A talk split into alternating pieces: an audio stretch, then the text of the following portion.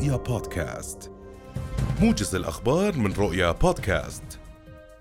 أهلا بكم في هذا الموجز لأهم وآخر الأخبار. يلتقي نائب رئيس الوزراء وزير الخارجية وشؤون المغتربين أيمن الصفدي اليوم في عمان نظيره الفرنسي ستيفان سيجورنيه الذي يقوم بجولة في المنطقة.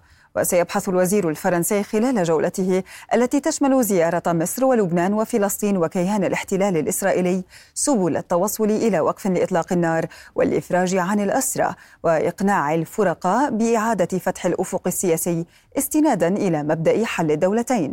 وفق المتحدث باسم الوزارة كريستوف لوموان وتأتي الجولة في خضم مفاوضات مكثفة تجري بين الأمريكيين والمصريين والإسرائيليين والقطريين من أجل التوصل إلى هدنة جديدة.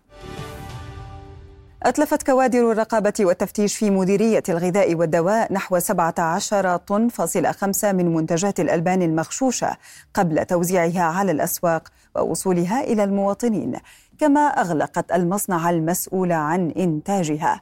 وقالت المؤسسة في بيان إن منتجات الألبان المغشوشة التي تم التعامل معها جرى تصنيعها من مدخلات إنتاج دهنية غير مسموحة الاستخدام وبما لا يطابق القاعدة الفنية الأردنية التي تشترط خلوها من الدهون التي ليست من أصل المنتج فضلا عن أنها تحمل ضمن بطاقة البيان المتلاعب بها أسماء مصانع ألبان وهمية. منحت هيئة تنظيم قطاع الطاقة والمعادن أكثر من 300 موافقة لتركيب عدادات كهرباء خاصة بشحن المركبات.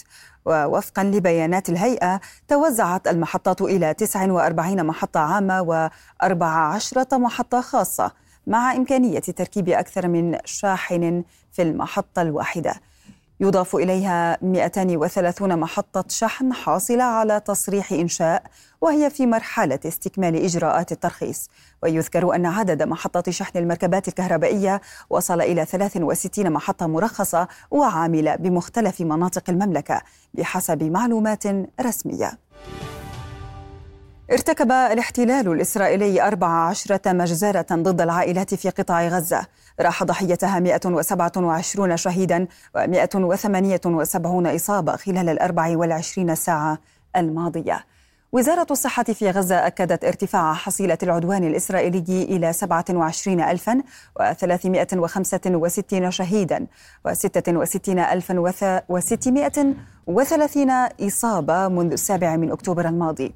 وذكرت أن أكثر من ثمانية ألاف شخص لا يزالون في عداد المفقودين تحت الركام وفي الطرقات ويمنع الاحتلال طواقم الإسعاف من الوصول إليهم. يواصل جيش الاحتلال غاراته العنيفة على مناطق متفرقة من القطاع مخلفا عشرات الألاف من الشهداء والجرحى بالتزامن مع مباحثات تهدف للوصول إلى هدنة جديدة وإطلاق سراح الأسرى. وشنت المقاتلات الإسرائيلية فجر اليوم غارة جوية على خان يونس جنوبي قطاع غزة وأخرى على دير البلح وسط القطاع. وتجاوزت حصيلة العدوان أكثر من 27230 شهيدا وأكثر من 66400 مصاب.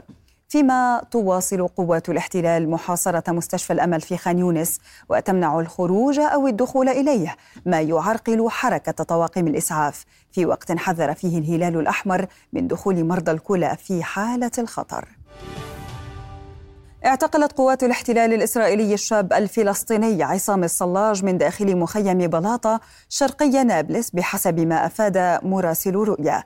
وأضاف مراسلنا أن قوات الاحتلال اقتحمت المخيم مرتين صباح اليوم ودفعت بتعزيزات عسكرية إليه.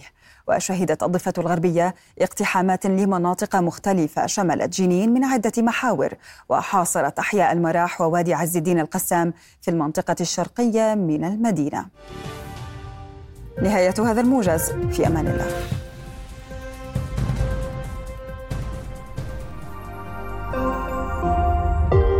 رؤيا بودكاست